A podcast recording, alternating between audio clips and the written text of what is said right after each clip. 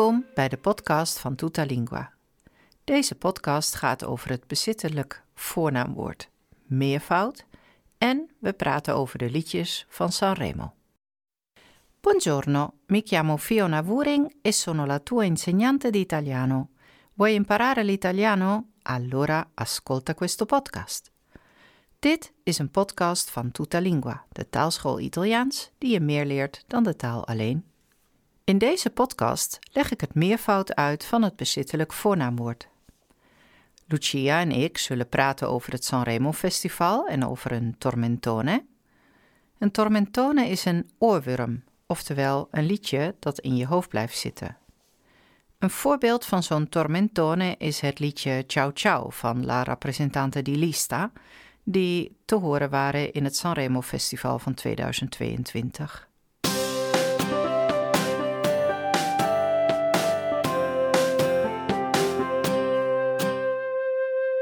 De vorige keer hebben we het gehad over het enkelvoud van het bezittelijk voornaamwoord, ofwel il possessivo. Ik heb jullie verteld dat ze in Italië er altijd een lidwoord voor zetten en waar wij het hebben over mijn boek, zeggen zij letterlijk de mijn boek. Je moet het bezittelijk voornaamwoord dus ook zien alsof je het er tussen zet. Dus het is il libro, dan zet je het bezittelijk voornaamwoord ertussen en wordt het il mio libro. Je ziet dus dat het bezittelijk voornaamwoord zich aanpast aan het zelfstandig naamwoord. Als het zelfstandig naamwoord mannelijk is, zoals il libro, dan is het bezittelijk voornaamwoord dat ook. En daarom krijg je il mio libro. In deze podcast vertel ik jullie over het meervoud. Il mio libro wordt in het meervoud i miei libri. Dat is omdat il libro verandert in het meervoud in i libri en het bezittelijk voornaamwoord meervoud is miei. Die zet je ertussen en dan zeg je dus i miei libri. Hebben we het nu over een vrouwelijk zelfstandig naamwoord, zoals bijvoorbeeld le lasagne, die zijn meervoud, of course, want het gaat over verschillende laagjes. En dus lasagne zijn gewoon meervoud.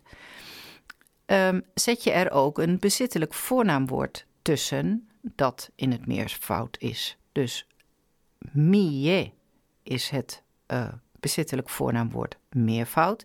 En dus zeg je le mie lasagne. Voor il tuo wordt dat i tuoi libri. En jouw lasagne worden dan le tue lasagne. Zijn of haar boeken worden dan i suoi libri. Let op, ik, als er staat i suoi libri, weet je dus niet of dit zijn of haar betekent, want het Italiaanse bezittelijk voornaamwoord past zich aan aan het zelfstandig naamwoord en niet aan degene over wie het gaat.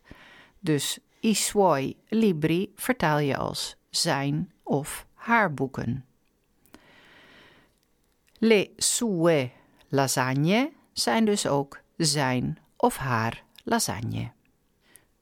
Hoe dat dan vervolgens zit bij familie, dat leg ik wellicht in een volgende podcast uit. Hoe vertaal je dan nu mijn liedjes?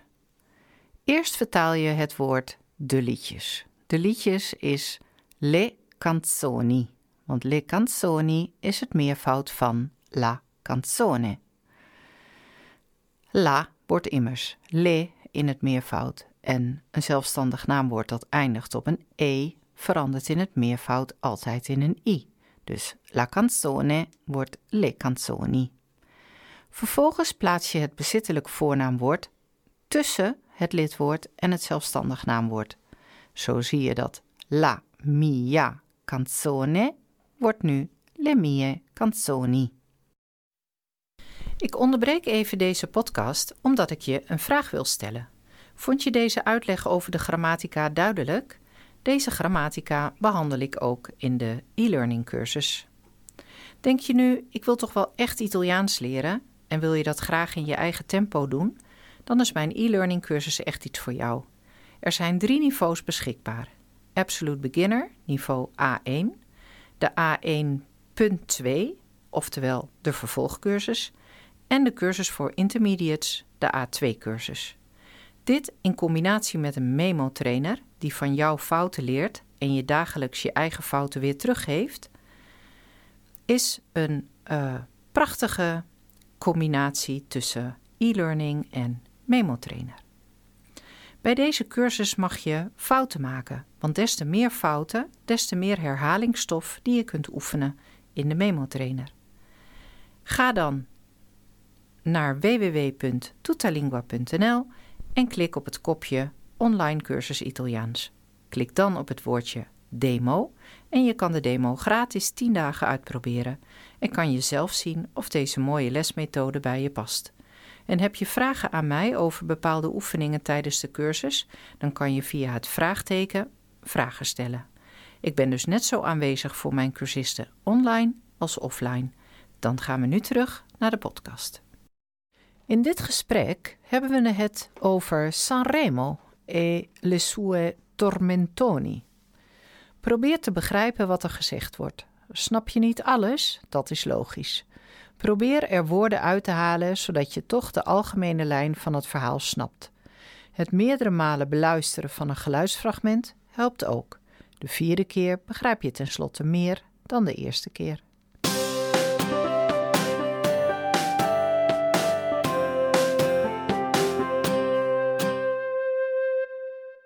Allora, Lucia, eh, oggi abbiamo detto che vogliamo parlare del Sanremo.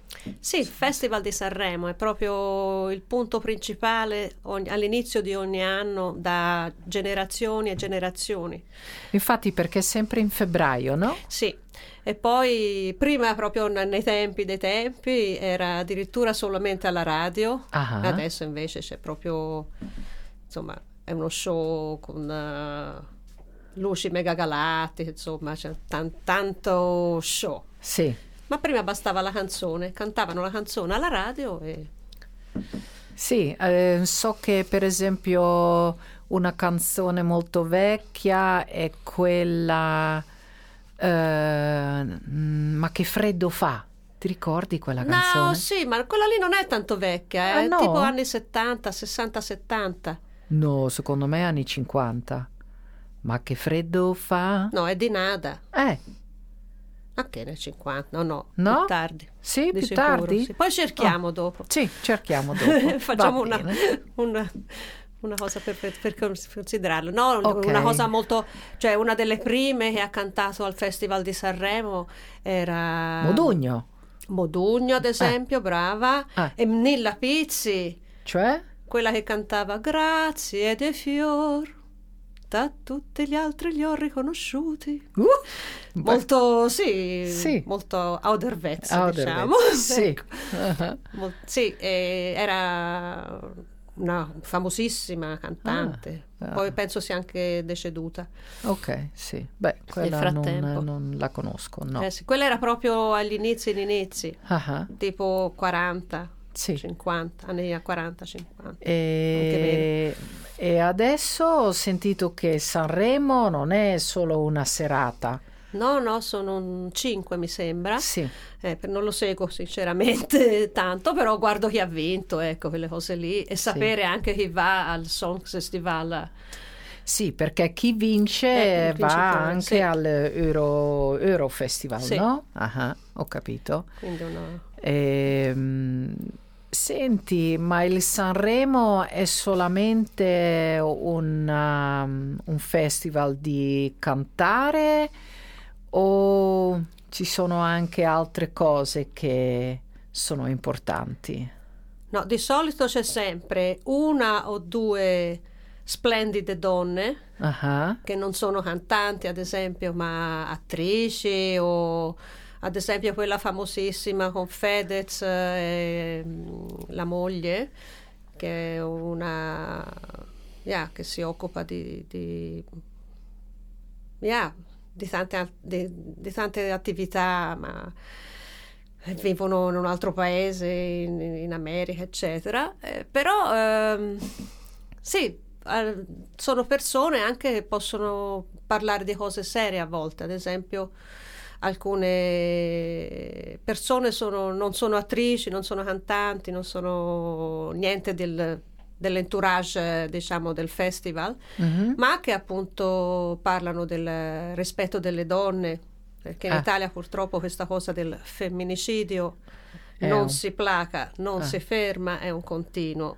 Ah, sì. Le donne vengono decimate. Okay. E spesso da mariti, fidanzati, ah, genitori. Sì.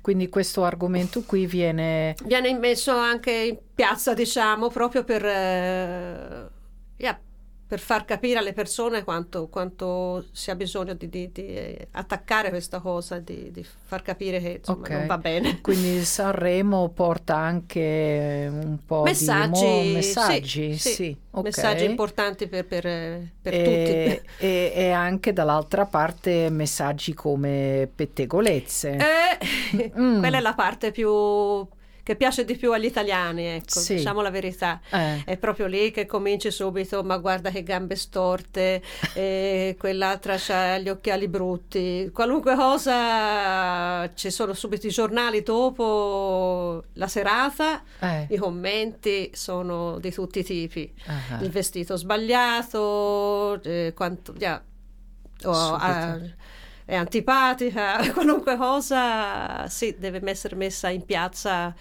E infatti se, se, entri in un negozio tipo Bruna, ma in Italia ci sono 10.000 tipi di gossip, ah, sì. giornali che parlano proprio solamente di questo. L'abbiamo ah. vista eh, senza to- al to- col topless. Qua- queste sì. cose sono veramente... cioè, piacciono tantissimo agli italiani, mm-hmm. di tutte le età. Ehm, ma questo può avere anche degli effetti negativi sulle cantanti? Eh certo, penso. certo, eh. addirittura ora, eh, tanti anni fa, ma ad esempio Mia Martini, una bravissima cantante, non si sa per quale motivo sia iniziata questa storia che lei, come dicono, si dice in italiano, porta iella porta uh-huh. sfortuna sì. e quindi veniva denigrata, trattata male, eh, le recensioni anche delle canzoni bellissime venivano yeah, discredita- dis- yeah, non so dire la parola, discreditata eh. perché aveva questo alone nel, intorno a lei che portava sfortuna e che quindi non la volevano nessuno, non la volevano a altri eventi e, sta, e alla fine sembra che si sia probabilmente suicidata. Madonna, penso Proprio per questo fatto che nessuno la voleva far lavorare più, eh? perché erano uscite questi, queste, queste voci, voci che, che appunto, dicevano che era pericolosa, iella. sì, perché se, se, ci lavorava insieme, insomma. Ma incredibile. Sì, eh? ti rendi conto. Ok, beh, questo non è un lato molto positivo. No, no per niente. Um, e invece del Sanremo, che cosa ti piace? Non è che lo seguo particolarmente, poi soprattutto mm. da, dall'Olanda non è che ecco, ci, ci tenga più di tanto. Eh. Però a volte eh, ti rinfresca un po', nel senso che, che puoi vedere eh, nuovi cantanti, giovani. Sì, perché ho capito che ci sono due categorie, vero? Sì, infatti. Dalla, le cose sono quelli più, diciamo, i big. Sì. Che comunque sono di nuovo un'altra generazione da quelle precedenti. Mm-hmm sono i, i, giovani anche che però spingono più, più cose più diverse, e, sì. insomma, che ti sorprendono. E in questo Ad esempio, momento... adesso c'è un sacco di canzoni in cui ci sono anche parolacce eh, sì. o No, sono molto più diretti e concreti nelle cose, non molto... Non è, non è, più come una volta quando i temi erano solo amore, amore felicità. Sì, tristezza perché l'amore era andato via. Eh, sì. Eh, sì. Adesso anche musica un po' più moderna, sì, sì. trap per esempio, ecco, no? che adesso yeah. sta venendo fuori di molto, più anche nella musica italiana. Ehm... Cioè non è possibile, ad esempio, pensare, ma anche negli anni 90, che durante un festival di Sanremo, che ti vedono dappertutto, in tutto il mondo, eh che, che, uno dice ciao ciao con le mani e poi anche col culo, oh, sì. con la parola ah! ah culo, e invece sì. è normale. Eh, sì, sì, sì, certo. sì. Eh, questo, questa canzone ciao ciao sì, ha fatto mi molto successo. proprio un tormentone. Sì, sì, probabilmente che... sarà tutta l'estate così. Eh, sì, sì. con le mani, con le mani, ciao ciao. Yeah. sì, è una bella canzone per uh, imparare le, le, parti del corpo. Sì, sì, assolutamente, da sopra sotto, ecco, sì, incluso il culo. certo, fa parte del corpo anche quello. Ci sono molto, molto più libertà, diciamo, anche. Sì. E spesso dipende anche dal, dal conduttore televisivo. Mm-hmm. E questo, questo, è già il quarto anno, mi sembra che sia sempre lo stesso. E, ah.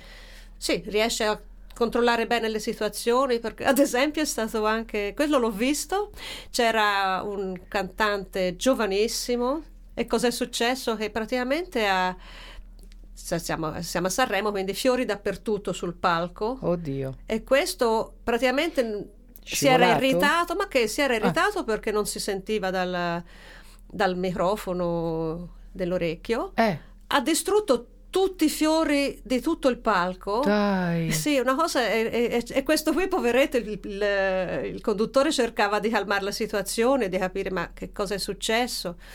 E quindi a volte succede anche cose molto estreme. Sì. E è un conduttore così, sinceramente, era, non, non, si è arrabbiato, sta attento, Calmo. che si calmino eh. tutti, perché sennò va a finire a tarallucci e vino, si dice. Bella questa, si va a finire a taralucci e vino. Perché non c'è proprio più niente. Siamo okay. alla fine, se no. Uh-huh, eh. uh-huh. Cercava di controllare tutti. Sì. Poi per il resto non è che l'ho visto molto, a volte dei pezzi appunto. Così. Sì, comunque i big, come dici tu, sono delle cantanti quindi già, già famose, affermate, sì, sì, già, eh, sì, eh, che si mh, mm, ripresentano un'altra volta con una nuova canzone, però non fanno la stessa gara di quelli no, no, no sono due cose separate. Sono, eh, esatto, sono, yeah. sono, due gruppi separati. No? E poi quello che non, non so se era quest'anno anche, però di solito era molto carino perché dovevano fare ehm, ogni cantante, ogni gruppo, spesso sono anche dru- gruppi, ehm, che dovevano praticamente eh, fare un duetto con un'altra persona, un altro cantante. Eh in modo che venisse un, una cosa nuova, diversa nel modo di cantare, però non nella canzone stessa. Uh-huh. E cose molto anche vecchie, quindi. Oh, tipo okay. Nilla Pizzi con uh, boh, un altro cantante Tante. giovane ah, scapigliato. Eh, cap- non carino. so se quest'anno l'hanno fatta, sinceramente, eh. però la volta prima sì, ed era sì. carino vedere questi due, due yeah, come si può dire, sì, due un... tipi di persona, ma anche due generazioni sì, diverse sì. che cantano insieme. Ho capito. E ascolta, tu lo sai quando sarà il prossimo nel 2024? No, ma penso sia febbraio. Sempre, sì, sì, sì, sì, sì, sempre non a febbraio. quella è una cosa fissa proprio. Eh, non, sì, la data esatta ancora forse. E di non... solito è anche abbastanza carino nel senso che c'è anche una camera a parte con uh, due o tre persone che, che guardano da, da, sopra, diciamo, a quello e danno un po' di giudizi eh, ah. a come si, si comportano. Insomma. Quest, con questo conduttore sembra sia più, un pochino più modi, movimentata la cosa, sì. non che entri dentro, fai la canzone, vai via, poi entri in altro, la canzone va via. E, ehm, la persona che ha vinto quest'anno? Chi, chi ha vinto quest'anno? Eh... Era Marco... Sì, Marco Ma- Mangoni. Man- Man- Mengoni. Mengoni. Yeah, Marco, ecco, Mengoni, Marco Mengoni. Sì. Sì. Due Una bella vite, canzone, sì. Due vite. Bella canzone. Eh, ti piace, vero? Sì. Sì, sì. è piaciuta anche a me. Sì, non mi veniva più il nome. Sì. Eh, Mengoni, sì, infatti. Eh, eh, eh. Ehm... Sì.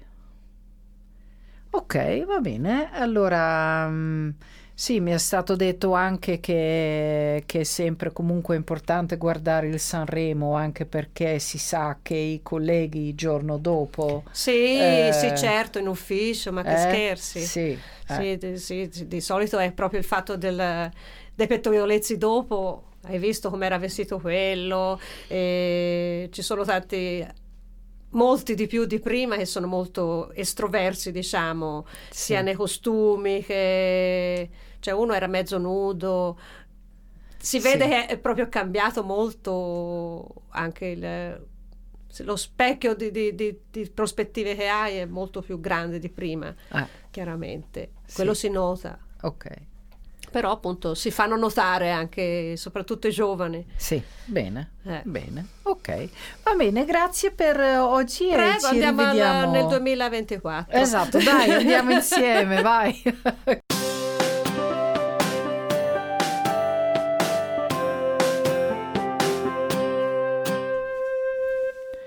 Een aantal moeilijke woorden die in het gesprek tussen mij en Lucia aan bod uh, kwamen, waren uh, bijvoorbeeld ouderwets, zei Lucia zelf, en dat is dan antiquato.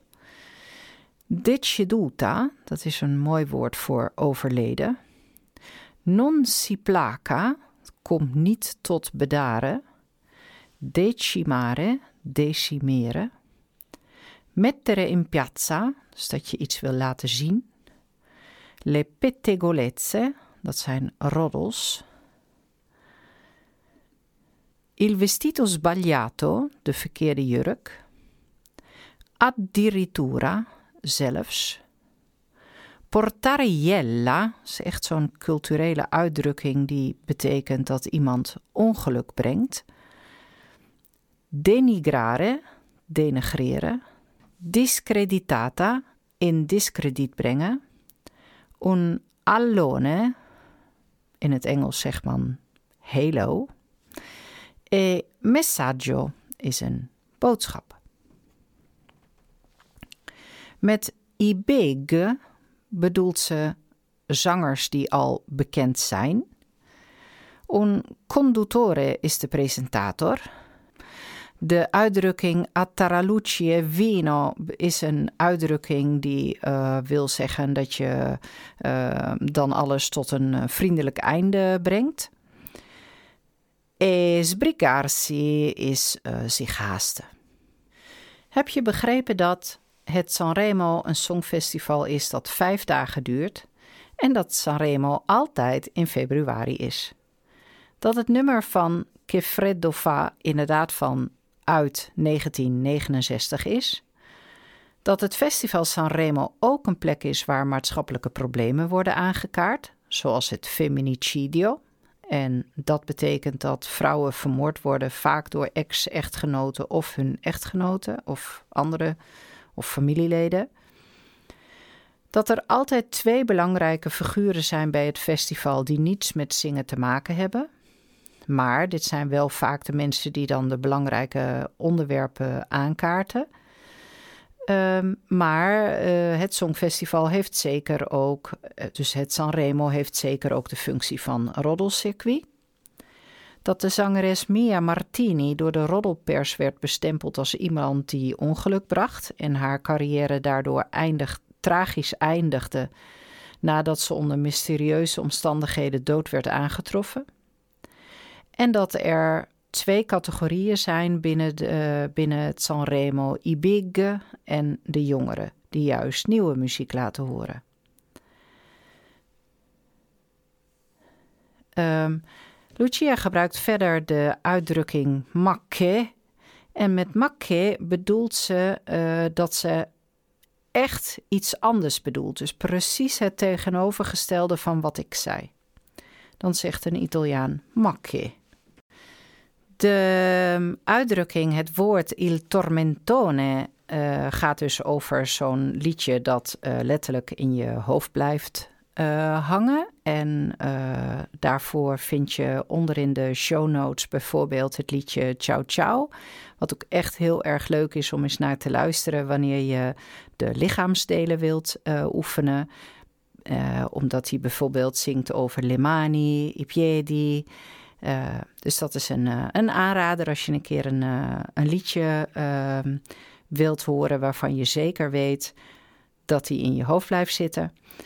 En wil je graag Italiaans leren? Ga dan naar de website van Tutalingua, waar je meteen kunt starten met de e-learning cursus Italiaans. Wist je dat er binnenkort ook een groeps-online cursus komt? Veel volgers van de podcast willen graag les van me hebben, maar vinden Twente te ver. Voor die mensen komt er binnenkort een online mogelijkheid om online klassikaal les te krijgen. Lekker dus vanuit je eigen studeerkamer oefenen met medecursisten. Wil je de podcast ondersteunen? Dan kan dat via de link Buy Me a Coffee. Ook deze zie je onderaan de show notes. Of door te luisteren via Podimo. Zij zijn de enige podcastaanbieder die hun winst ook een beetje deelt met de podcastmaker. Hartelijk bedankt weer voor het luisteren. Grazie mille e alla prossima volta.